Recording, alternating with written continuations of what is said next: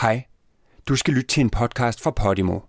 Hvis du kan lide, hvad du hører, så kan du lytte til alle episoder og en række håndplukkede podcasts, ligesom den her, på Podimo allerede i dag. Download appen eller klik på linket i episodebeskrivelsen.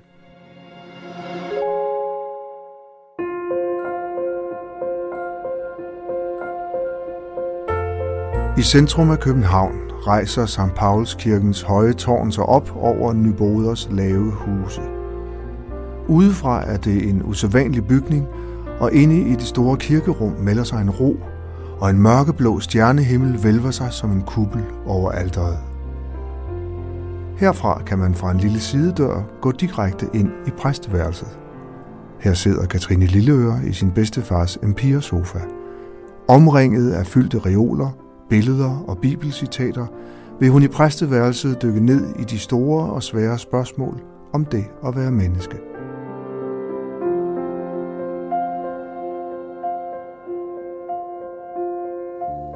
Hvorfor har hun forandret sig?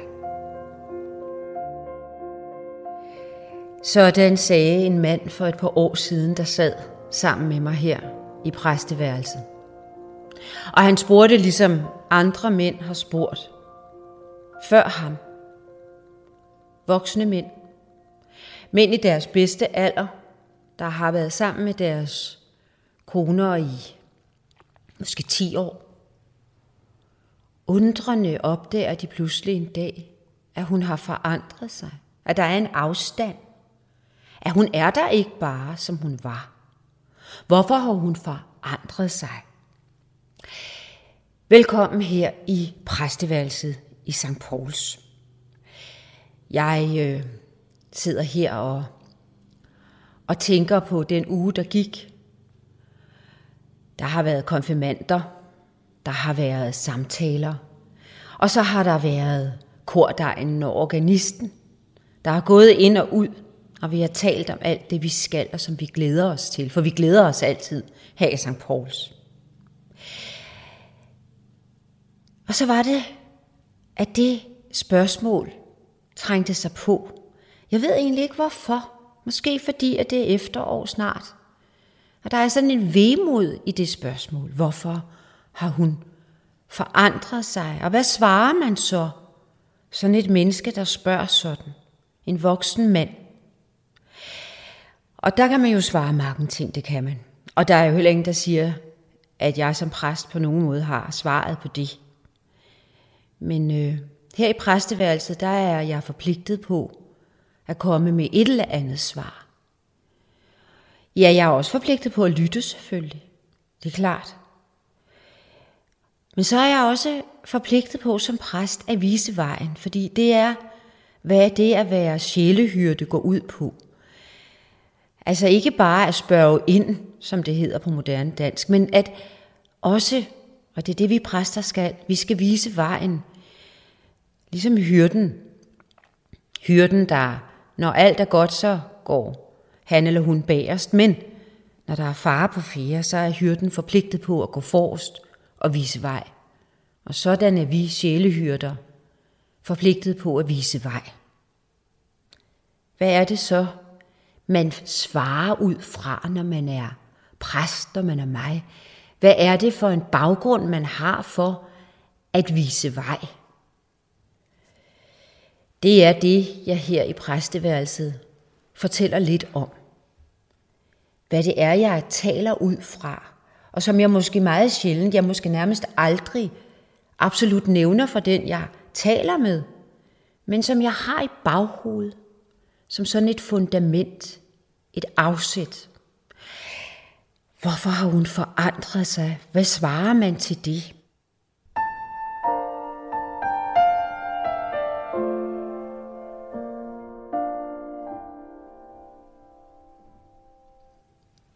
Henne på min reol. Jeg har tre reoler her. Jeg kunne have mange flere, men man må også begrænse sig. Så der står nogle af mine allervigtigste bøger. Dem bøger, jeg har lyst til at gå hen og slå op i hen ind imellem, og så igen. Og så bøger, der har en fortælling. Som nu, de fem bind af Grundtvigs sangværk, som jeg sidder her fra sofaen og har udsigt til. Grundtvigs sangværk. Det, som vi indimellem dykker ned i, også her ved gudstjenesterne, så synger vi dejligt af den himmelblå i samtlige 19 vers, altså til søndagen efter Hellig Tre Konger, eller Hellig Tre Kongers søndag, for eksempel. Jeg har fået Grundtvigs sangværk af min bedstefar, der også var præst. Og han var også engang en voksen mand. Jeg tror ikke, han tænkte på. Ja, jeg ved det jo ikke, men gav vide, om han spurgte sig selv, hvorfor min bedstemor havde forandret sig. Hvorfor der var kommet afstand mellem dem. For det kom der, ved jeg, i deres ægteskab. Undervejs, det gjorde der. Det gør der måske i alle ægteskaber. En afstand, der sniger sig ind, og som man skal opdage. Min bedstefar, han bestemte alt. Født i 1904. Han bestemte helt naturligt, som mænd også bestemte dengang. Og når hun købte sig et par bukser, fordi hun godt kunne tænke sig at gå i bukser, min bedstemor, så klippede han simpelthen benene af bukserne. Ja, det lyder usympatisk. Det var det også, men han var charmerende og fyldte alting. Han var vidunderlig min bedstefar. Nå, ham vender vi tilbage til en anden gang. Det var det med Grundtvig. Grundtvig og sangværket. Grundtvig, som opdagede noget i begyndelsen af sit øh, faglige liv, som jeg har lænet mig dybt ind i, da jeg selv fik øje på det. Grundtvig, der der i begyndelsen af 1800-tallet opdagede, at Nordens mytologi ligner den græske mytologi. Jeg ligner det gamle testamentets fortællinger, fordi det alle sammen er fortællinger, der vil sige noget om, hvad det vil sige at være menneske, hvad det er, man oplever i menneskelivet, uanset hvornår man lever, og hvor man lever. Og det var det var pointen, at den nordiske mytologi, det kunne godt være i det ydre, at fortællingerne ikke helt lignede sådan i det ydre, hvordan man fortalte de samme fortællinger i den græske mytologi, men indersiden netop af fortællingen. Det er den samme. Om søskende jalousi, om kærlighed, om tab, om sorg, om liv, om død. Myter kaldte de gamle de fortællinger. Og myter, det er nemlig fortællinger, der gentager sig i alle menneskers liv til alle tider.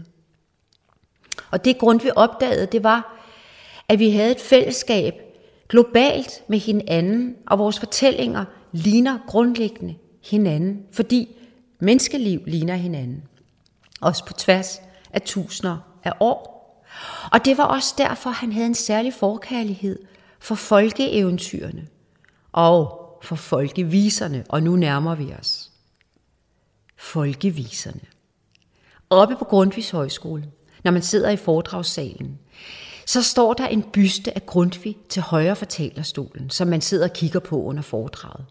Men til venstre, til venstre er der et relief, et stenrelief, af en mand og en harpe og en trold.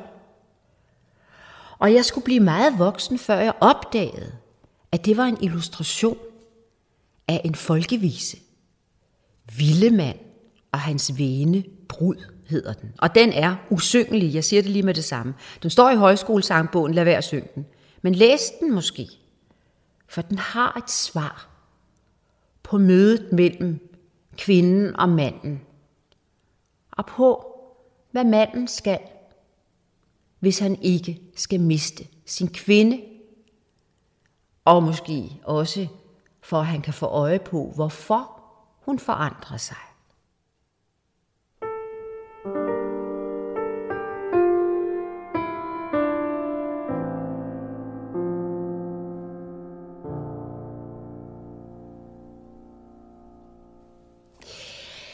Villemand og hans venebrud begynder, altså jeg skal lige sige, den har altså mange vers. Over 20.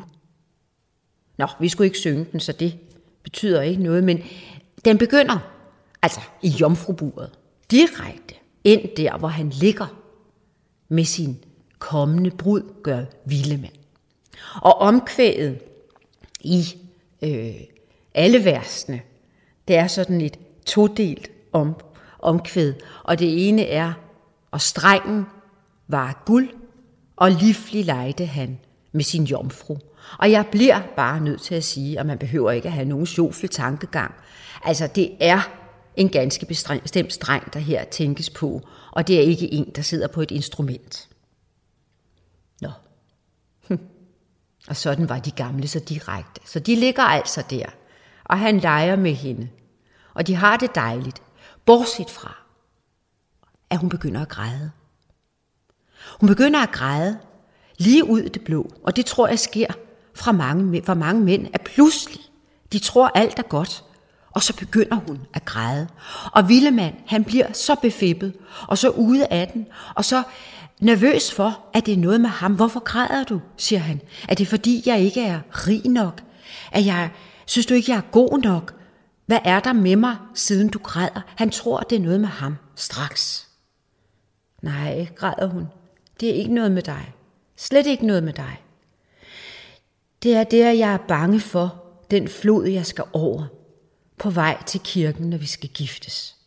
Jeg er bange for at blive hævet ned i den flod af den trold, der bor der, ligesom mine søstre blev det. Nå, siger Villemand, lettet over, at det ikke har noget med ham at gøre. Det klarer vi. Vi har mine ridere med, og de skal nok få fat i dig, når den trold hiver, hvis den skulle komme. Og dog, det klarer vi. Og så tager de afsted mod kirken og brylluppet og rider over floden. Og upti, vupti, så stiger trolden op af floden og tager hans brud og hiver hende med sig ned, og hans ridere og Villemand selv når ikke at gøre noget som helst. De når intet. Og hun råber, hjælp mig. Og, men det kan kun Gud og den hellige ånd, synger man i sangen. Og der står de så. Jomfruen er væk.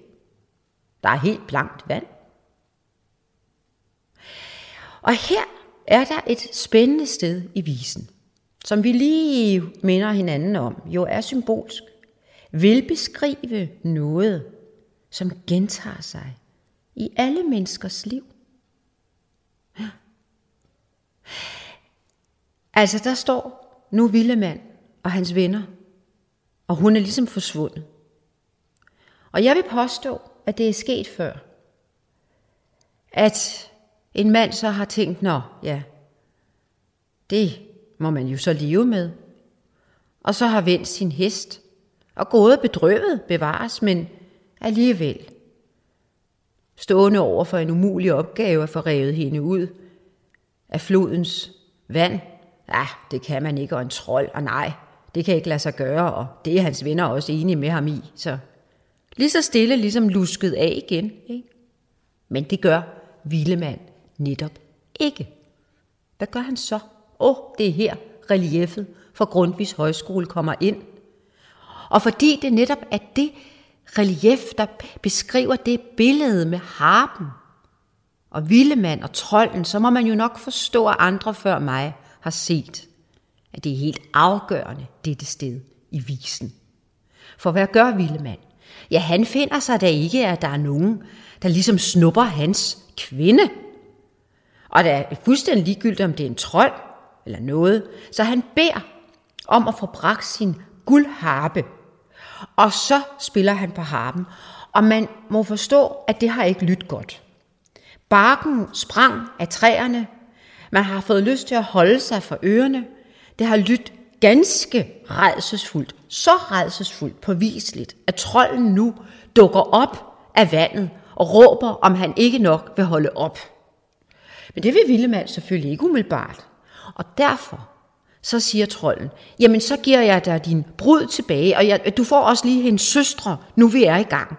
Og så kaster han kvinderne op på bredden til Vildemand. Hm. Altså bortset fra, det humoristiske i det, for det er jo lidt sjovt. Så er det jo også, ja, så er det jo også tankevækkende, at i stedet for at gå væk og lade hende være, så bliver han stående og insisterer. Og op dukker altså så hans kvinde og endda også hendes søstre.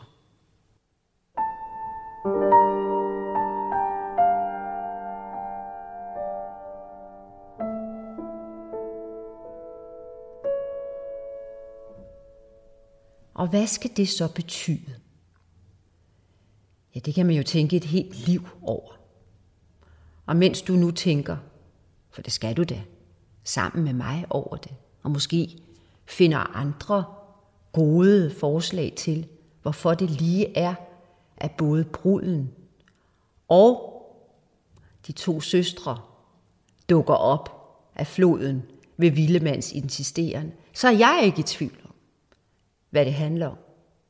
For der er nemlig floder, hvor kvinder færdes som havfruer, med armene om hinandens hofter og skuldre. Vi svømmer der, i store stræk af vores liv. Der er sådan en havfrue samtale. Et sted, hvor kvinder mødes i sjælen. Ja, hvor vi taler sammen om alt. Hvor vi også taler om det, vi ikke taler med vores mænd om. Hvor vi færdes samhørigt. Og det er ligesom om, det er en understrøm i det kvindelige, som er der både før vi finder vores elskede, og også mens måske, og efter. Sådan et sted, kvinder kan gå ind, et rum med hinanden, og som i øvrigt forunderligt nok kan etableres ganske hurtigt. Et kort møde over ved siden af hinanden i et bar eller en restaurant, eller man står simpelthen også i en butik og hiver i den samme bluse, og pludselig så kan vi kvinder sådan set få øje på hinanden og genkende hinanden i et glimt, der indimellem varer hele livet. Et søsterligt nærvær, vi har. Åh oh ja, og det er jo vidunderligt. Og det er noget helt særligt, som rigtig mange mænd, ja jeg må sige næsten de fleste mænd, jeg kender, ikke kender til. Det er faktisk min erfaring, at de færreste mænd kan forestille sig, hvad vi kvinder egentlig taler om, og hvor dybt vi taler, når vi taler sammen. Hvor meget vi faktisk siger til hinanden. Og hvor meget vi måske også oprindeligt sagde til vores elskede. I forelskelsen ikke mindst. Åh oh ja. I den der forelskelse, man har, hvor man siger alt til ham. Og hvor manden jo også siger, alt. For det gør du jo, du mand. Siger alt, som du heller ikke havde sagt til nogen før, til din elskede kvinde. Og livlig lejte han for sin jomfru, og strengen var af guld. Og det var både den streng, der giver hende stor nydelse, men det var måske også hjertestrengen. Ja. Og sådan forbinder man sig til hinanden men så er det som om, at forelskelsen går over i noget andet. Der er noget, man går over med hinanden, når det bliver en tæt og varig kærlighed. Jo, bestemt. Men det er jo sådan, at vi mænd og kvinder, vi kan elske hinanden i ægteskaber og i parforhold. Jo, det kan vi, og vi er hinanden hengivende, også, jeg vil nærmest sige, i princippet, bundet til hinanden. Jo. Men så kan der ske det, her, det sker i mange parforhold, ved jeg. At kvinden forsvinder, uden han lægger mærke til det.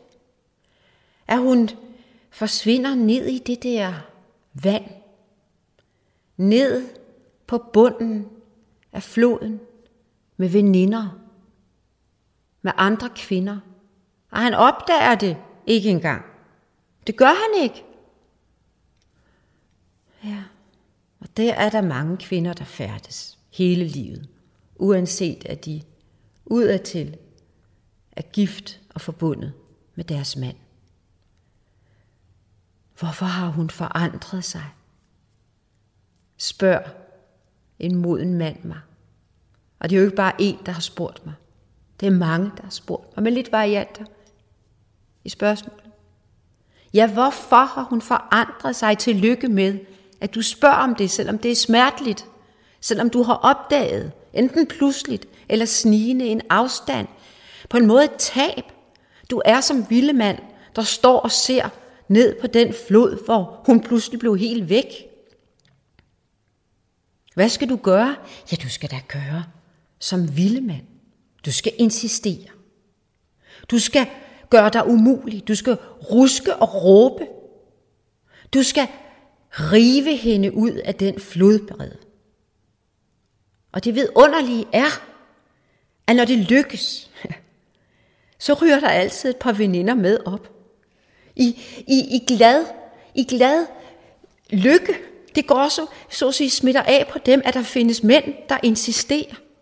Det er som om, de også følger ud af det vand, som vi kvinder jo elsker at færdes i. Det gør vi da.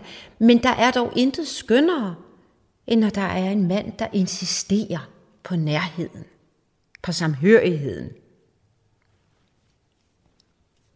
Min mand har altid sagt,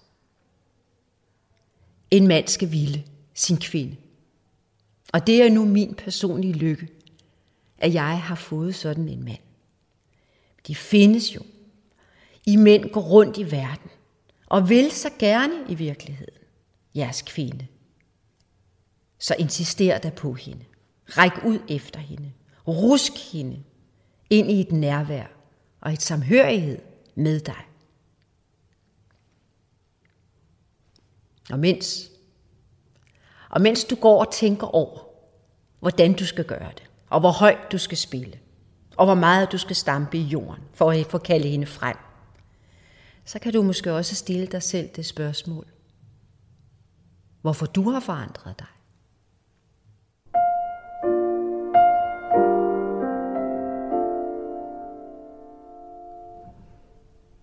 Altid går vi i velsignelsens lys. Hvad enten vi er kede af det, eller vi er overmodet lykkelige. Hver eneste øjeblik i dette liv følger lyset os, Guds lys og hans nærvær. Og det bliver vi mindet om i den store velsignelse, som jeg nu lyser for dig. Herren velsigne dig og bevare dig. Herren lad sit ansigt lyse over dig og være dig nådig. Herren løfte sit ansigt mod dig og give dig fred.